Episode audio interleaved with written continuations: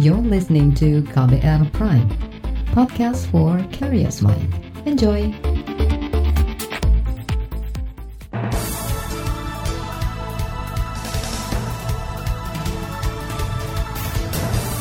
Selamat pagi saudara, kami menemani Anda pagi hari ini dengan sejumlah informasi pilihan di Buletin Pagi. Saya Eka Juli. Dan saya Don Brady, kami telah menyiapkan sejumlah informasi terkini di antaranya biaya pasien virus COVID-19 tidak ditanggung BPJS Kesehatan.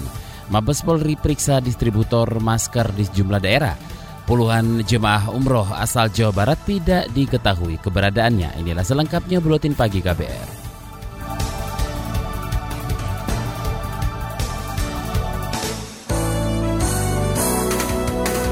terbaru di Buletin Pagi.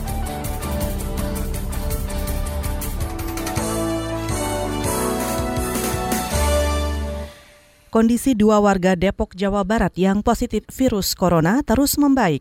Keduanya saat ini masih diisolasi di ruangan khusus di Rumah Sakit Penyakit Infeksi Sulianti Saroso, Jakarta Utara. Juru bicara pemerintah untuk penanganan COVID-19 atau virus corona, Ahmad Yuryanto, menyatakan Kesehatan kedua pasien yang merupakan ibu dan putri kandungnya itu membaik sejak dinyatakan positif COVID-19. Keduanya bahkan sudah tidak mengenakan selang infus dan oksigen. Saya secara langsung belum melihat, tetapi tadi pagi di kendaraan saya sempat telepon direktur rumah sakit, saya tanyakan bagaimana kondisinya lebih bagus daripada yang kemarin. Jadi sudah tanpa keluhan apa pun. Tetapi masih harus tetap kita isolasi karena kemarin confirm positif. Sampai tadi malam, saudara, jumlah pasien terduga COVID-19 atau virus corona yang diisolasi di Rumah Sakit Penyakit Infeksi Sulianti Saroso berjumlah enam orang. Tiga di antaranya terkait kontak dengan dua warga Depok yang positif COVID-19. Pagi ini, hasil pemeriksaan enam pasien yang diisolasi akan dipastikan apakah mereka positif terinfeksi atau tidak. Pemerintah juga sudah menyiapkan fasilitas kesehatan untuk pemeriksaan spesimen seseorang yang diduga terinfeksi COVID-19. Pemeriksaan dilakukan di 10 balai teknik kesehatan lingkungan, antara lain di Jakarta, Jogja, Medan, Ambon, dan juga Manado. Penambahan itu untuk memudahkan pemeriksaan spesimen terduga COVID-19. Badan Penyelenggara Jaminan Sosial BPJS Kesehatan tidak akan menanggung biaya penanganan pasien positif COVID-19. Begitu juga dengan pasien COVID-19 yang masih dalam pengawasan. Juru bicara BPJS Kesehatan Iqbal Anas Maruf menyebut biaya penanganan pasien positif dan pasien dalam pengawasan itu ditanggung sepenuhnya Kementerian Kesehatan. Ya, pertama sebetulnya sudah ada pernyataan dari Kementerian Kesehatan ya yang memastikan bahwa pemerintah menjamin sepenuhnya penyakit akibat virus corona atau suspek corona termasuk ketika diatur di sana ketika belum ditetapkan dalam Kepmenkes artinya Kepmenkes kalau ada kejadian memang sebelum Kepmenkes itu ditetapkan dijamin dalam skema yang anggarannya sudah disediakan oleh Kementerian Kesehatan. Memang sering ditanyakan bahwa apakah dia dijamin BPJS Kesehatan atau tidak. Itu tadi juru bicara BPJS Kesehatan Iqbal Anas Maruf. Keputusan Menteri Kesehatan tentang penetapan infeksi coronavirus yang ditetapkan pada 4 Februari lalu menegaskan pemerintah akan menanggung biaya pelayanan kesehatan pasien COVID-19. Kemenkes menyebut segala bentuk pembiayaan terkait penanggulangan COVID-19 dibebankan pada anggaran Kementerian Kesehatan, pemerintah daerah dan sumber dana lain yang sah sesuai peraturan perundang-undangan. Kementerian Keuangan siap menambah anggaran untuk Kementerian Kesehatan demi penanganan wabah COVID-19. Menurut Dirjen Anggaran Askolani, penambahan anggaran itu baru akan digelontorkan apabila memang diperlukan. Ia belum tahu pasti apakah Kementerian Kesehatan membutuhkan tambahan anggaran. Itu karena sejauh ini Kementerian Kesehatan masih mengoptimalkan pagu anggarannya sekarang ini intinya kan Kemkes kan dari pagu yang ada dia gunakan secara optimal dan kita belum tahu kapan dia butuhnya. Intinya anytime kalau memang dibutuhkan siap saja. Kan penanganan harus cepat. Jadi dari pagu yang ada pun sekarang di Kemkes harusnya sudah bisa ditangani dengan cepat. Dan kalau kurangnya mungkin bukan sekarang, mungkin ya dalam beberapa waktu ke depan. Jadi baru kemudian diusulkan sesuai dengan mekanisme. Intinya kita siap anytime, mau seminggu depan, mau bulan depan kita siap.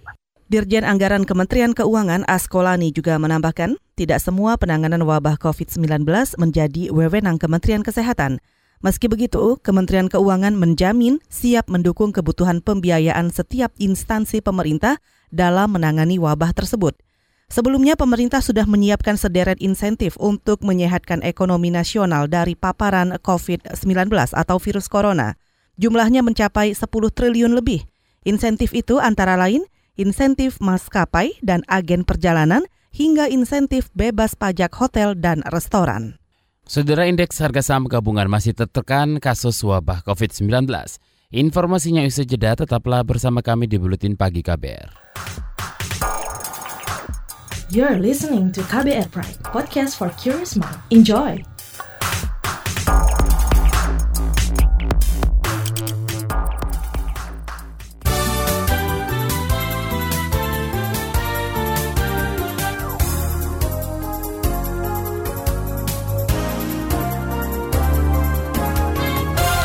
Anda sedang mendengarkan buletin pagi KBR. Siaran KBR mengudara melalui lebih dari 500 radio jaringan di Nusantara.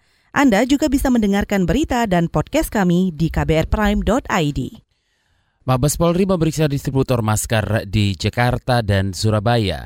Direktur Tindak Pidana Ekonomi Khusus Polri Daniel Tahi Silitonga mengatakan pemeriksaan itu untuk mendalami peran distributor dalam fenomena harga masker mahal akibat mewabahnya COVID-19. Kita kan punya uh, satgas daerah sampai dengan Kapolres-Polres. Kita sampai dengan sekarang ini uh, perintah Pak Kapolri tadi sudah melakukan penjagaan di eh, pusat-pusat uh, perbelanjaan, pusat-pusat penjualan, retail dan segala macam agar agar tidak terjadi hal-hal yang tidak diinginkan. Dan sampai dengan saat ini laporan yang masuk pada kami sebagai Kasatgas Pangan tidak ada hal-hal yang signifikan terjadi di wilayah. Daniel Tahi Silitonga yang juga Kepala Satgas Pangan mengklaim sudah memerintahkan Satgas Pangan di daerah untuk menyelidiki kenaikan harga pangan serta antiseptik tangan. Menurutnya kalau distributor terbukti memainkan harga di pasaran maka terancam hukuman penjara juga denda 10 miliar rupiah.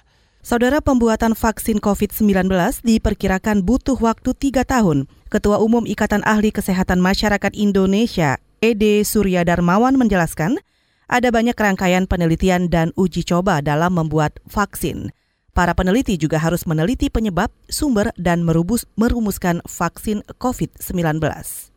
Penemuan obat itu cukup lama, ya, karena yang saya tahu dari protokolnya saja kan harus tes uh, rumusnya dulu, formulanya. Setelah formulanya dites, efektif nggak? Maka formulanya itu dites dulu, kemudian ada animal test, ya, Eh, kan tadi ada tes dulu di uh, in vitro ya, in vivo in vitro. Ketua Umum Ikatan Ahli Kesehatan Masyarakat Indonesia atau IAKMI, Ede Surya Darmawan berharap pemerintah menggerakkan para peneliti nasional supaya vaksin COVID-19 bisa cepat ditemukan formulanya. Ede juga menilai pemerintah belum serius untuk fokus menemukan vaksin COVID-19. Kepala Riset PT Samuel Sekuritas Surya Dharma menjelaskan indeks harga saham gabungan Indonesia ke depan masih akan terpengaruh perkembangan wabah COVID-19.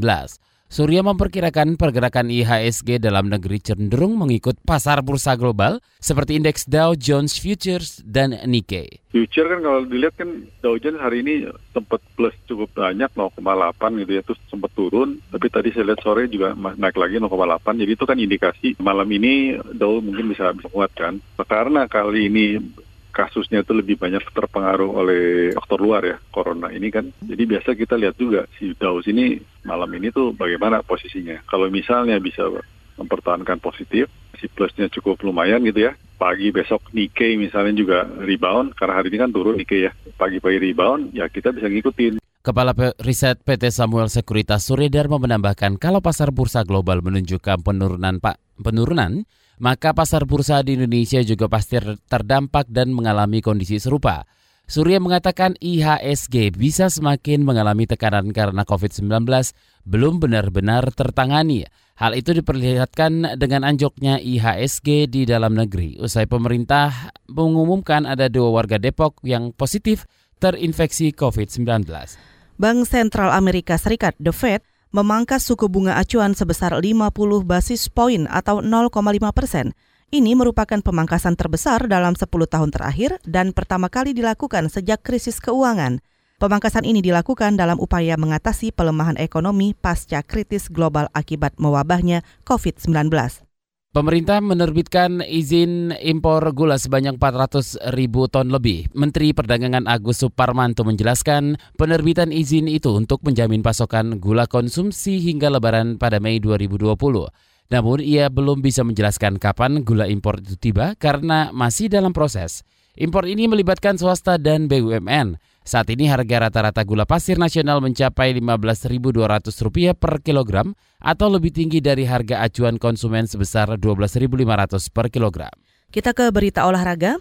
Komite Olimpiade Internasional membolehkan Jepang menunda pelaksanaan Olimpiade sampai akhir tahun ini. Penundaan itu bisa dilakukan terkait wabah COVID-19 atau virus corona. Menteri Olahraga Jepang Seiko Hashimoto menyebut dalam kontrak disebutkan Olimpiade bisa digelar selama 2020. Artinya masih dibolehkan dilaksanakan pada akhir tahun. Ia optimistis Jepang tetap berkomitmen mengupayakan pembukaan Olimpiade sesuai jadwal, yaitu 24 Juli mendatang. Saudara 11 pebulu tangkis Indonesia melaju ke Olimpiade Tokyo, di antaranya Jonathan Christie, Hendra Asan, Marcus Kevin. Mereka mengisi tujuh kuota yang masing-masing dari tunggal putra, ganda putra, tunggal putri, ganda putri, dan ganda campuran. Saudara laporan khas KBR tentang aksi panik buying pasca pengumuman COVID-19 sudah masuk Indonesia, kami hadirkan sesaat lagi, tetaplah di Buletin Pagi. You're listening to KBR Pride, podcast for curious mind. Enjoy!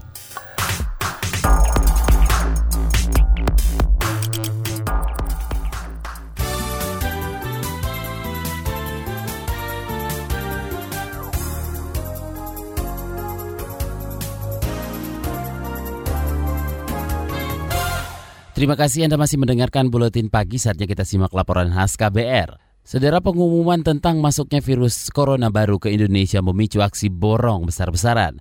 Di banyak pusat perbelanjaan, warga berbondong-bondong membeli bahan pangan dan obat-obatan. Akibatnya daftar produk yang langka di pasaran berpotensi makin panjang. Bagaimana langkah pemerintah? Simak laporan yang disusun tim KPR dibacakan Astri Yuwanasari. Kalau di kan bisa ditumpuk di atas beras. Anita rela bangun lebih pagi untuk belanja sejumlah bahan pangan dan obat-obatan. Warga Jakarta Barat itu bahkan sudi menunggu satu jam di depan swalayan dekat rumahnya menanti pintu dibuka. Ia khawatir bakal kehabisan stok pangan, imbas virus corona tipe baru resmi masuk Indonesia. Anita menyaksikan sendiri warga berbondong-bondong membeli bahan makanan usai pemerintah mengumumkan dua warga Indonesia positif corona. Kemarin soalnya saya juga kaget pas di mall, tiba-tiba orang banyak beli bahan makanan. Terus dalam sekejap stok beras habis gitu. Hari ini sih untungnya stok beras masih banyak. Yang hampir nggak ada itu kayak gula, mie instan. Terus bawang putih juga harganya kayaknya naik hampir dua kali lipat deh tadi. Kekhawatiran serupa dirasakan Selfie, pegawai swasta dari Jakarta Selatan. Itu karena ikut-ikutan panik juga sih, ngelihat orang tuh banyak borong atau banyak stok barang-barang untuk disimpan di rumah. Antreannya panjang, kayak mau nonton konser di GBK. Selfie sibuk berburu persediaan obat dan suplemen untuk menangkal virus corona. Namun, ternyata suplemen pun mulai sulit dicari. Sedangkan masker dan produk cairan pembersih tangan sudah lebih dulu langka di pasaran.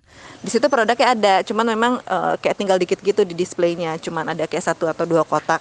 Berapapun yang ada di display itu diambil semua, akhirnya kita bayar. Karena merasa kurang, mutusin juga untuk belanja online barang-barang yang tadi udah disebutin tuh untuk jaga-jaga kesehatan. Tapi udah bayar tapi sampai sekarang sih belum dikonfirm udah dikirim apa belum. Kelangkaan beberapa komoditas, terutama masker, juga sudah berlangsung di hampir semua daerah. Masker nyaris menghilang di gerai fisik, tetapi masih tersedia secara daring atau online. Itu pun dengan bandrol harga selangit di kisaran ratusan ribu hingga jutaan rupiah per box. Menyikapi keresahan warga, Presiden Joko Widodo mengimbau tidak perlu ada aksi borong besar-besaran atau panic buying.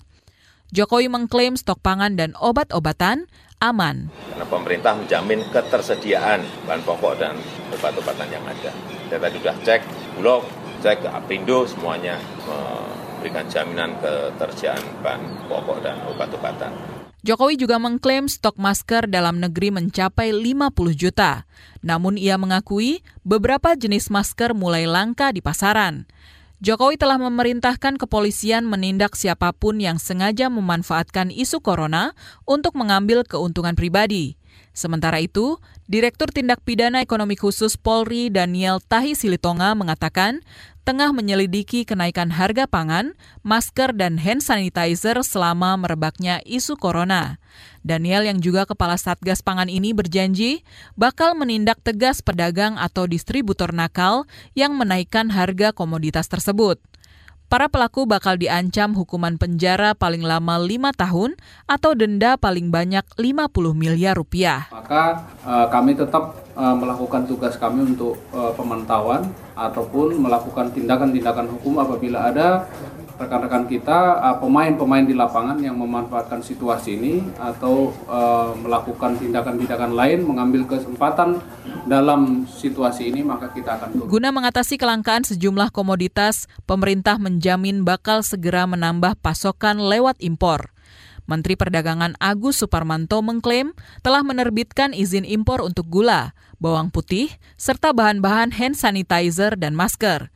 Sebelumnya pemerintah dikritik keras lantaran lambat menaikkan izin impor, terutama bawang putih yang menyebabkan stok menipis dan harga melambung tinggi. Tidak perlu panik dalam situasi ini. Saya telah mengeluarkan beberapa eh, persetujuan impor untuk eh, beberapa komoditas yang memerlukan adanya tambahan stok. Sedangkan izin impor yang kami telah keluarkan yaitu gula kristal merah, yang telah digunakan sebagai bahan baku gula kristal putih untuk konsumsi telah diterbitkan sebanyak 438.802 ton yang dapat memenuhi kebutuhan hingga Mei 2020. Demikian laporan yang disusun tim KBR, saya Astri Yuwanasari. Selanjutnya kami hadirkan informasi mancanegara dan daerah. Tetaplah di Buletin Pagi. You're listening to KBR Pride, podcast for curious mind. Enjoy!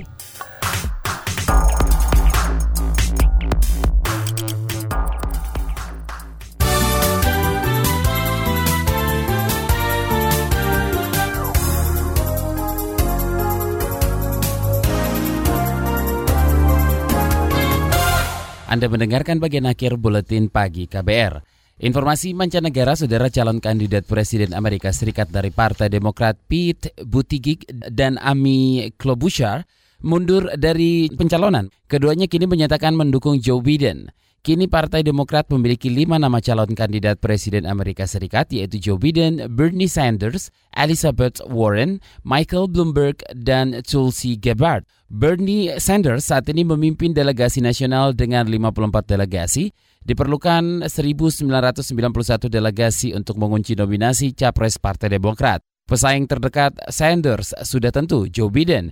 Satu dari lima calon kandidat presiden dari Partai Demokrat itu nantinya akan menantang Donald Trump pada Pilpres Amerika 3 November mendatang.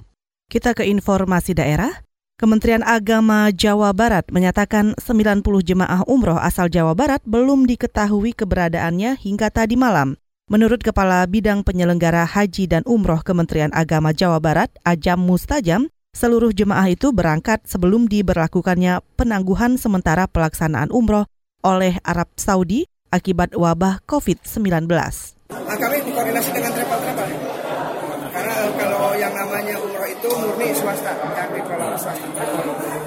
Jadi uh, kami terus melakukan komunikasi dengan pusat, gitu ya, dengan pihak-pihak terkait.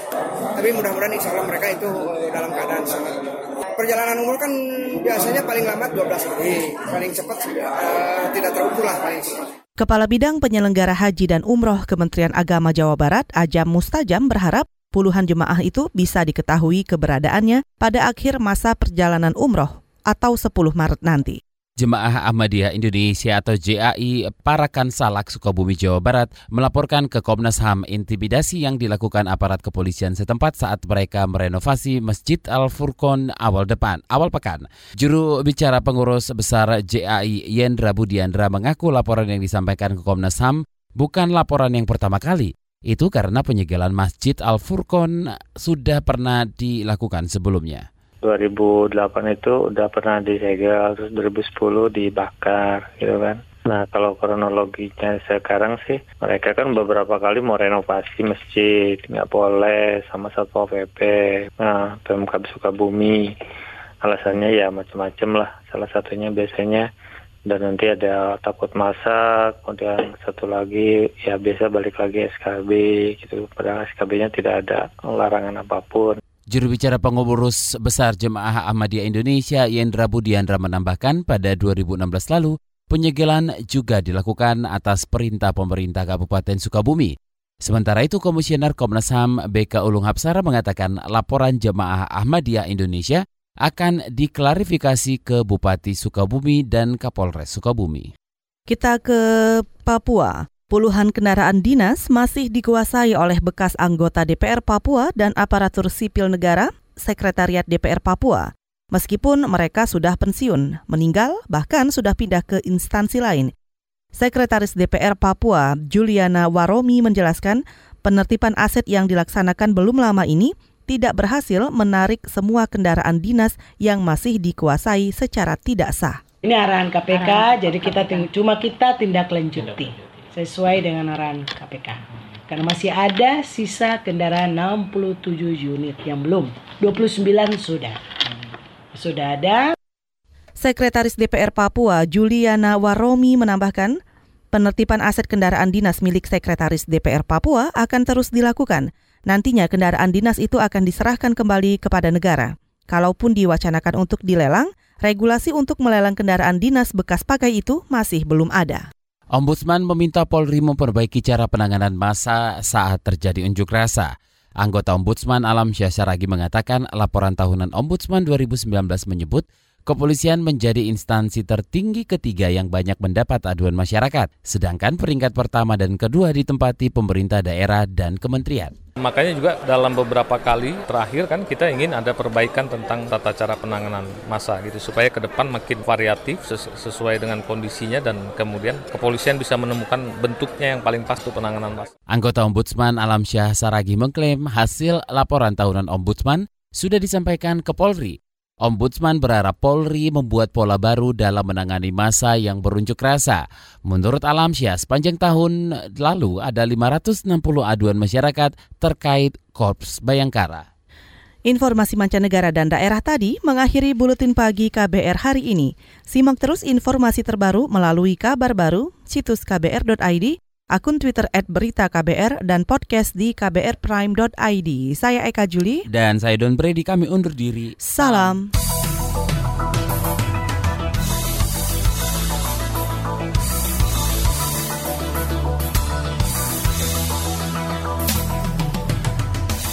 KBR Prime, cara asik mendengar berita.